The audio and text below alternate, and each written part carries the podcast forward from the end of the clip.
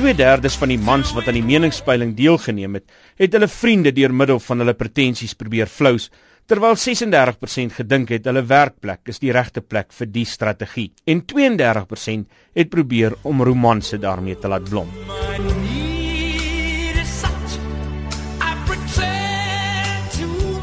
Sy weet nie hoe die statistiek lyk nie, maar die voormalige model en deesdae glanskok, Sonja Kabano, sê sy kan mans soos 'n resep lees. My ervaring van mans wat hulle self slimmer wil laat voorkom is hulle lees gewoonlik baie dik boeke en laat hulle rond lê sodat mense kan sien. En dit gaan mos maar modes en so en ek dink Richard Dawkins was onlangs een van hulle gewees. My eie ervaring is dat mans gewoonlik so misterieus as moontlik voorkom met ander woorde hulle antwoord in kort kriptiese sinne. Dan oorskat vrouens altyd hulle intellektuele vermoëns en wanneer hulle uitvind daar gaan nie eintlik veel aan en hy het gekies om oor die rugby te praat, dan is die cool al reeds deur die kerk. Maar vir die beïndruk met hulle kennis van rooiwyn. Ek het nog nie 'n man teëgekom wat nie vir my probeer beïndruk met sy kennis van rooiwyn nie.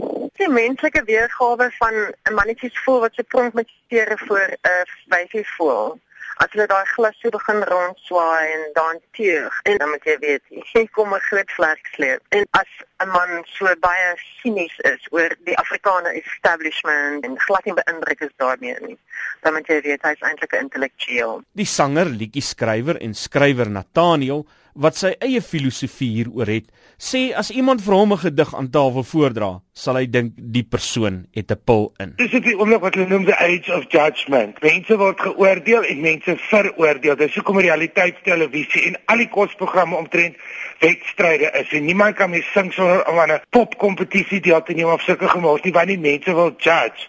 En as jy die hele dag swaar gekry het of jou finansies is nie lekker nie of jou vrou is nie meer mooi nie, dan wil jy by die huis gaan sit saans en kyk hoe judgmente ander mense op die televisie en jou eie opinie vorm en saam judge en dit gebeur sosiaal.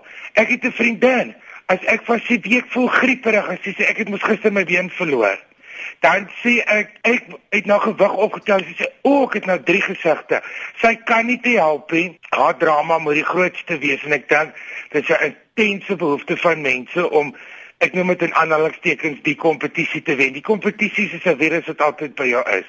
Mense kan nie meer help ek dis vir my vreemd dat jy praat van gekultiveerdheid want ek weet nie vir wie dit impres nie. Maar ek dink mense het 'n ongelooflike behoefte, mans en vrouens om soos ek sê quote unquote die kompetisie te wen. Maar dis nie abnormaal nie, sê die kenner van paleopsigologie Jan Viljoen. Volgens hom is die gedrag baie maklik verklaarbaar. Die hele beginsel gaan daaroor dat vir oorlewing van die spesies het daar sekere stelsels ontwikkel. En nou daaroor het daaroor geskryf dat daar twee vorms is van seksuele seleksie. Die een is waar die ramme of die bulle en die beere kompeteer met mekaar om dan die wyfies of die koeie en die ooe te kry. En die ander een wat paslik is by die mens is waar die vrou die keuse maak. En ek het die voorbeeld gebruik daar op Facebook by 'n formele dans. Trek al die vrouens verskriklik mooi aan. Hulle lyk soos die blomme. Terwyl die mans is almal dieselfde aangetrek, almal swart pakke met wit hemde en strikdassies, maar die vrouens trek hulle aan en die vrou maak die keuse. Die man kan doen wat hy wil, maar as hy nie aanvaarbaar is vir die vrou nie, sal dit nie werk nie. Dit gaan oor die bemagtiging van jouself om jou posisie te bevorder, nie net by vrouens maar ook in die samelewing. En ons doen dit almal op verskillende maniere omdat ons sulke groot kreatiewe breine het. Is die genetiese variasie en die ingesteldheid baie groter as byvoorbeeld 'n olifant olifant. 'n Olifant al wat hy doen is hy ryk net aan die koeie en dan pare en intussen dryf hy die ander bulle weg. Maar die mens het geweldig meer variasies. Nou onthou, nou moet dit ons in 'n moderne samelewing leef. Nou kyk ons ook na opvoeding, na agtergrond en selfs liggaamsreuke. So daar's verskillende ander aspekte wat ook by Homo sapiens ter sprake is. Dit was die kenner van paleopsigologie,